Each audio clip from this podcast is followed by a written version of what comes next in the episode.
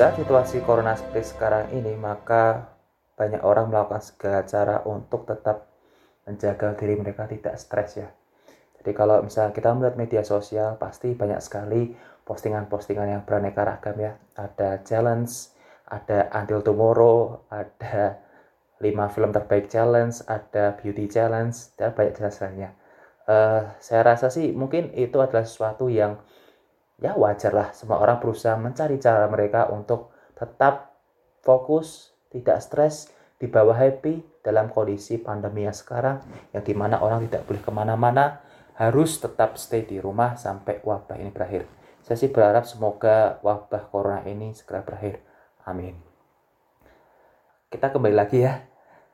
Uh, kali ini mungkin di luar ada sedikit gerimis hujan jadi kalau misalkan nanti Anda akan mendengar beberapa suara gemuruh guntur atau misalkan ada suara bayi nangis atau suara uh, alarm bunyi karena apa suara petir dimaklumi saja. Tapi hari ini saya pun juga akan menjadi bagian daripada uh, mereka-mereka uh, yang berusaha menjaga kita semua yang di sini yang merasakan uh, betapa besar pengaruhnya daripada pandemik COVID-19 ini untuk tetap uh, fresh, tetap keep on touch, tetap stay healthy, tidak stres dan untuk itulah karena banyak orang punya cara caranya sendiri, ada yang bikin postingan musik, ada bikin postingan challenge, maka saya juga punya cara sendiri ya.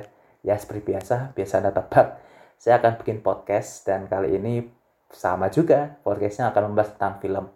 Tapi bicara mengenai film yang harus kita tonton, rekomendasi di saat-saat seperti ini, uh, mungkin yang paling bisa saya sarankan adalah cobalah untuk menonton film-film tahun 60, 70, 80-an lah. Uh, 90-an atau mungkin 2000-an awal.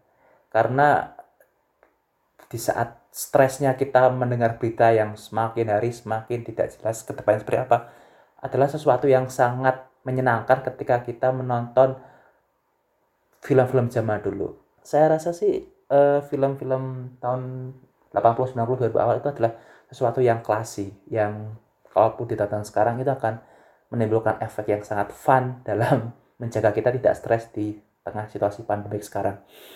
Uh, dan salah satu film rekomendasi saya adalah film tahun 90 yaitu film Edward Scissorhands. Ini adalah film dengan genre dark, romantik, fantasi. Oke ya, di sini ada romance-romance ya. Pasti bakalan banyak cinta-cinta ya. Ada fantasinya lagi. Uh, tenang saja karena meskipun bau-baunya seperti itu tetapi sekali lagi film ini adalah film yang dikerjakan oleh Tim Burton. Dan Tim Burton itu punya cara sendiri dalam mengemas sebuah film. Karena romance yang ditampilkan di sini bukanlah sembarang romance, bukan seperti film Beauty and the Beast atau mungkin film seperti Aladdin atau mungkin film seperti Sleeping Beauty-nya Aurora di Disney. Tetapi Tim Burton punya cara sendiri yang membuatnya serupa tetapi tidak sama.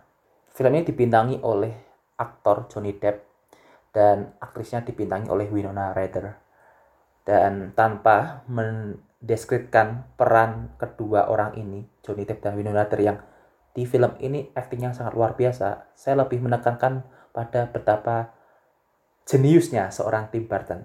Saya sangat menyukai film ini dan saya juga mengapresiasi respect kepada seorang Tim Burton. Karena Tim Burton ini sebelum membuat film ini, sebelumnya dia sudah sukses dan dikenal dengan seorang sutradara yang mumpuni dalam membuat film-film berbudget kecil tetapi menghasilkan output pendapatan yang tidak kalah dengan film-film berbudget besar. Dan karena itulah dia kemudian ditarik untuk membintangi membintangi, ditarik untuk menyutradarai film Batman. Anda tahu film Batman? Ya, film Batman adalah film yang dibiayai oleh DC. Dan ketika kita bicara tentang DC, maka anggarannya pasti akan besar. Jadi, rentetan peristiwa sebelum dia menciptakan film Edward Scissorhands ini adalah dia dikenal dengan orang yang bisa memanfaatkan sumber daya film seadanya murah sederhana dan menghasilkan output film yang besar. Kemudian dia membuat film dengan budget besar untuk membuat film yang besar yaitu Batman tadi. Kemudian film yang selanjutnya yaitu Edward Scissorhands ini dia mengatakan bahwa film ini adalah film tentang dirinya. Jadi seperti ada kaitan emosional yang bersifat personal antara Tim Burton dengan film ini. Ceritanya adalah tentang seorang android atau seorang robot yang diciptakan tapi tidak sempurna karena pembuatnya meninggal terlebih dahulu. Dan bagian yang tidak sempurna itu adalah bagian tangan. Sehingga dia berwujud seperti robot manusia, tetapi di bagian tangannya adalah berbentuk gunting.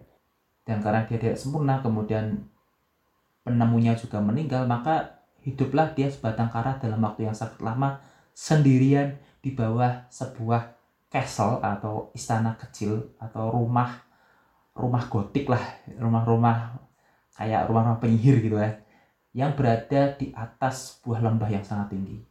Dan bagusnya di bawah lembah yang sangat tinggi itu terdapat kehidupan orang-orang kota. Uh, kotanya bukan kota tengah ya tapi orang-orang pinggiran kota atau bahasa klasinya dia sebut dengan suburbia jadi pemukiman-pemukiman penduduk yang berada di pinggiran kota. Tetapi di tengahnya itu ada sebuah lembah tinggi yang di atasnya ada castle rumah gotik yang didiami oleh seorang robot bernama Edward.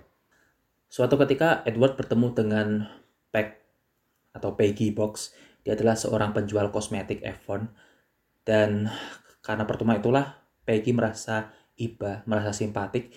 Kemudian diajaklah si Edward ini untuk supaya tidak sendirian hidup di atas castle-nya itu dan dia dibawa ke bawah hidup bersama orang-orang pemukiman kota tersebut dan ini sangat menyenangkan karena ada orang aneh dibawa ke pemukiman orang-orang di situ.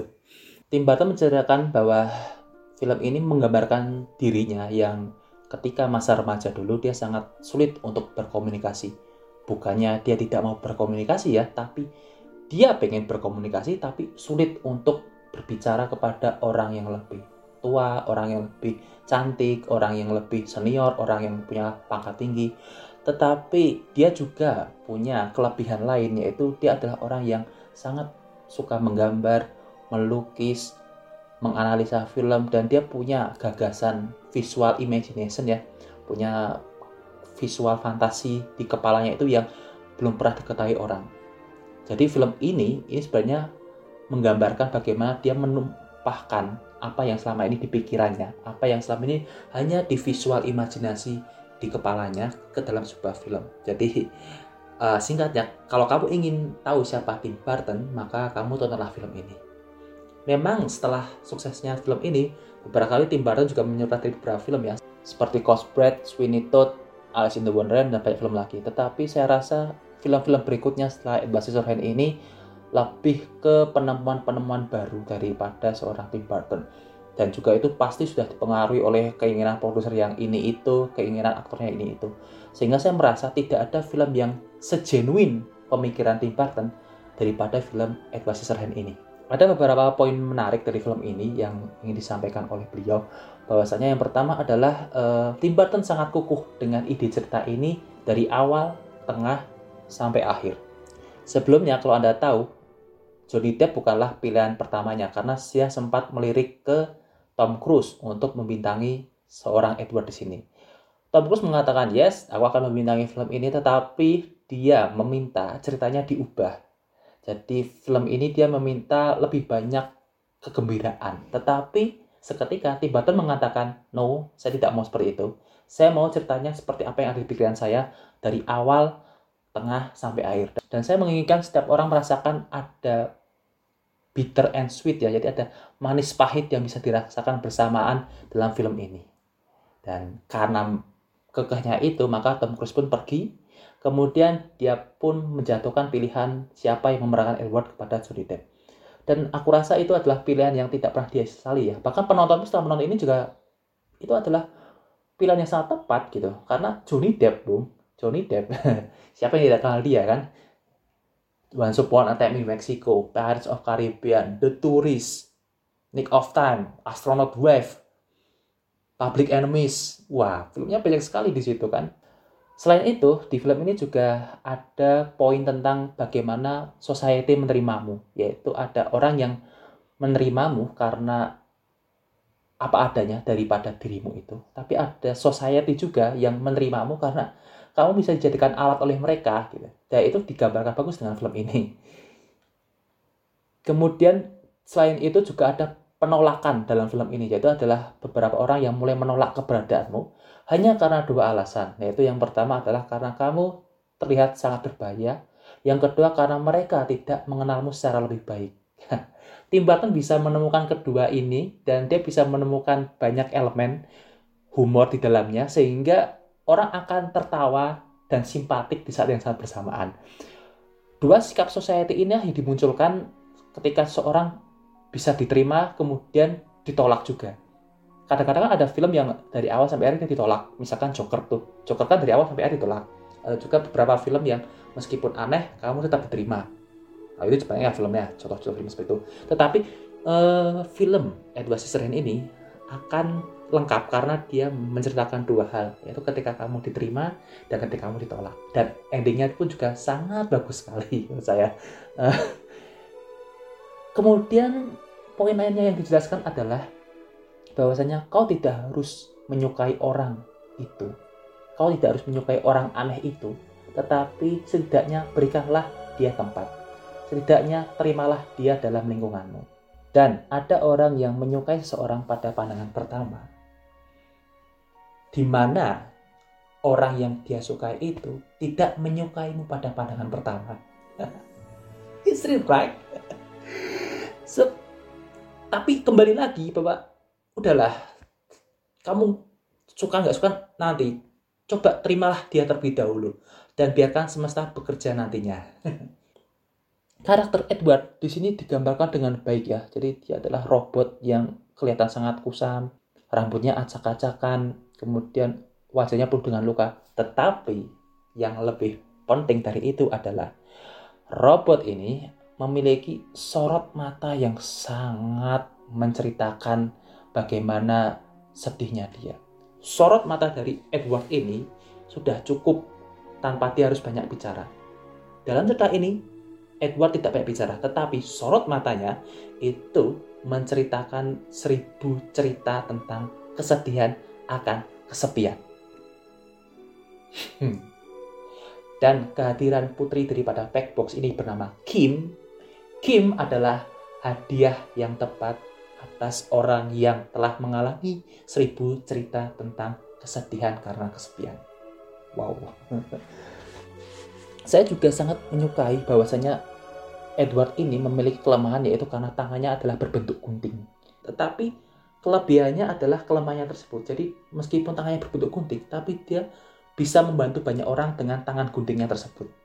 Dia bisa membuka kunci, dia bisa memotong tanaman menjadi bentuk-bentuk yang unik, dia bisa memotong rambut orang dengan seperti potongan-potongan di salon, dan banyak sekali fungsi-fungsi lainnya yang dia lakukan dengan menggunakan tangan guntingnya. Saya juga menyukai karakter di ya, ibu dari Kim ini, karena dia seperti seorang malaikat menurut saya, karena dia ibu yang sangat keibuan dan dia sangat perhatian sekali. Dan welas aslinya itu mengingatkan kita pada zaman-zaman mungkin ketika dulu kita masuk pekerjaan awal-awal ya.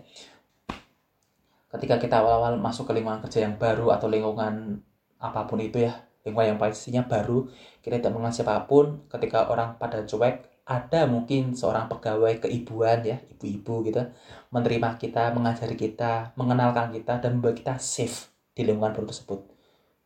Anda pernah merasakannya? Nah film ini juga menggambarkan itu. Bagaimana Dino West yang memerankan seorang Packbox, dia bisa merangkul Edward ini untuk merasakan nyaman meskipun dia adalah orang baru di lingkungan society pemukiman kotanya. Kemudian ada juga karakter ayah seorang Bill Box di sini ya. Dia di sini ayah yang menurut saya bagus sekali karena dia sangat woles, sangat easy going, sangat santai. Dia juga punya dua anak di mana uh, Kevin ini adalah anak kecil yang ingin serba tahu, yang sangat suka dengan hal-hal baru.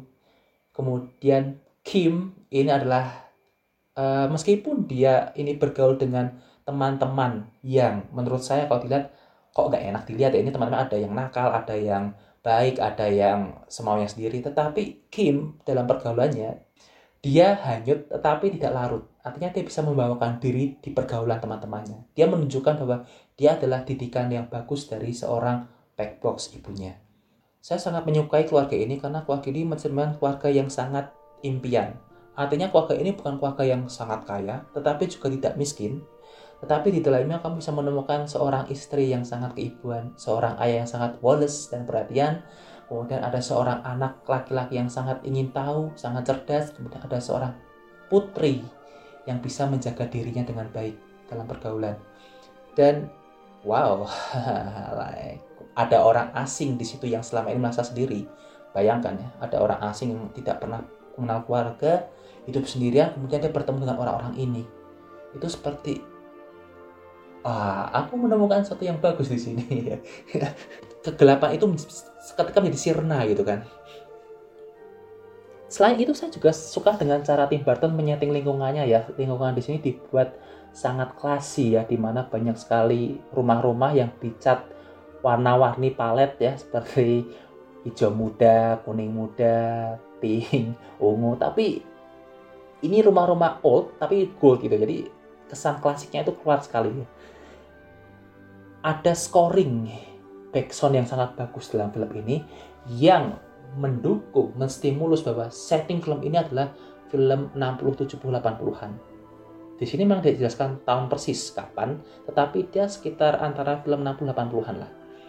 Terlebih ketika digambarkan di film ini bahwa tetangga-tetangga yang hidup di sini adalah mereka yang suka berkumpul-kumpul. Artinya rumah-rumah dari mereka punya halaman yang luas, mereka sering mengadakan pesta barbecue. Di situ tetangga-tetangga kumpul, diundang, pesta barbecue, ngobrol sana sini, ketawa ke TV.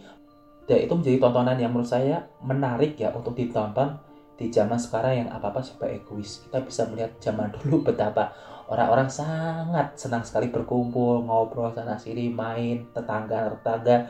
Tidak ada Instagram, tidak ada Instastory, tidak ada challenge, tapi semuanya bisa merasakan bahwa mereka hidupnya tidak sendiri. Dan bayangkan Edward yang sudah lama sekali hidup sendiri tiba-tiba dibawa ke lingkungan seperti itu. Wow. Ada sesuatu yang sangat indah di zaman itu dan akan terlihat semakin indah jika dilihat dari zaman sekarang. Saya rasa itulah kesan yang saya tangkap ketika melihat setting tempat dan waktu dan kegiatan orang-orang di zaman itu yang diceritakan dalam film Edward Scissorhands. Saya sangat apresiasi dengan keputusan Tim Burton memilih seorang Danny Elfman membuat scoring backsound daripada film ini karena backsoundnya ini membawa aroma bittersweet gitu ya. Jadi ketika Anda mendengarkan lagu-lagunya itu, Anda akan merasakan sedih dan bahagia di saat bersamaan. Jadi scoringnya ini benar-benar 45% lah untuk mendukung ceritanya menjadi semakin bagus. Saya rasa Tim Burton bisa menciptakan ide tentang monster. Tidak hanya tidak sebagai monster tapi dia juga punya sisi humanis dalamnya.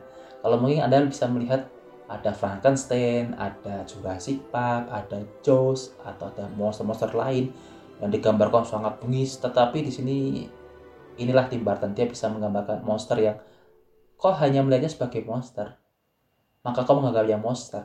Kalau kau melihatnya sebagai manusia maka dia menjadi seorang manusia Hmm, sepertinya seperti itu yang oleh Tim Burton. Dan yang saya merasa ini adalah film masterpiece karena dia bisa menyempurnakan konsep bahwa setiap seorang legenda itu dilahirkan secara tidak sempurna. Dan legenda itu karena tidak tidak sempurna, dia menjadi sempurna ketika dia menjadikan ketidaksempurnaannya itu sebagai kelebihannya. Dan akhir cerita dari legenda adalah kau tidak bisa benar-benar mengatakan akhir cerita seorang legenda itu dia mengalami kehidupan yang bahagia atau kehidupan yang sedih. Karena kau akan merasakan keduanya. Dan itu adalah cerita yang sempurna untuk seorang legenda. Aku rasa itu yang ingin disampaikan oleh Tim Burton dalam cerita ini. Dan saya sangat menyukai ending daripada cerita ini ya ending daripada cerita Edward Scissorhands ini adalah ending apa yang dialami pemerannya di nyata. Jadi apa yang terjadi oleh Edward yang diperankan oleh Johnny Depp dan yang terjadi pada Kim yang diperankan oleh Winona Ryder adalah apa yang terjadi senyatanya oleh Johnny Depp dan Winona Ryder di kehidupan nyata. Jadi mungkin kalau Johnny Depp menonton film itu sekarang ya, dan Winona Ryder juga menonton film itu zaman sekarang, dia akan merasa ini adalah film yang tidak mungkin bisa saya lupakan karena banyak kenangan di sana, banyak memorable di sana yang kemudian menjadi nyata sampai sekarang. Wow, saya tidak bisa membayangkan saat saya berada di posisi Johnny Depp dan saya berada di posisi Winona Ryder. Saya suka dengan film ini karena karakternya sangat kuat, unik, dan membawakan kesan humor yang bagus, membawakan elemen-elemen yang sangat asik. Kemudian setting tempatnya juga sangat klasi, plot yang sederhana tetapi tidak membosankan, dan juga momen ketika salju turun ke kota itu. Itu, wah ini legenda yang paling bagus telah diciptakan ya. Dan itulah yang membawa kesan bahwasanya film tahun 80-90 itu adalah film yang cukup hebat, tidak kalah kelas dengan film-film zaman sekarang. Betapa luar biasanya film-film tahun 80-90 itu. Tim Burton bukanlah seorang presiden, dia juga bukan seorang aktor, dia bukan seorang influencer ataupun selebgram. Tetapi dia bisa menyentuh perasaan dan dia bisa merangkul banyak orang ya, meskipun tidak semuanya, tapi beberapa orang bisa merasakan kekuatan daripada Tim Burton ini. Karena alih-alih dia melepaskan ide pemikirannya adalah bentuk argumentasi, kemudian berbentuk marah-marah, komen-komen negatif, ataupun nada nyinyir, ataupun uh, tulisan yang meledak-ledak, dia membawanya Tim Burton ini, ide pikirannya ke dalam sesuatu yang bersifat seni, sesuatu yang bentuknya film. Sesuatu ini unik, sehingga filmnya pun juga unik berbeda dengan film-film yang lain. Dan itu bisa menyentuh beberapa orang, banyak orang saya yakin yang menonton filmnya. Jadi, oke, okay, kau tidak perlu jadi seorang presiden atau aktor atau it's okay kalau kau tidak punya good looking yang bagus, tetapi setidaknya dengan sesuatu yang unik, sesuatu yang menunjukkan itu adalah punyamu yaitu membuatmu sangat khas. Itu sudah cukup untuk kau bisa memberikan sentuhan dan memberikan inspirasi bagi mereka yang merasakannya. Sesuatu yang unik yang menunjukkan siapa dia yang berupa sebuah film masterpiece di tahun 80-90 saya memberikan nilai 9 kepada film ini. Terima kasih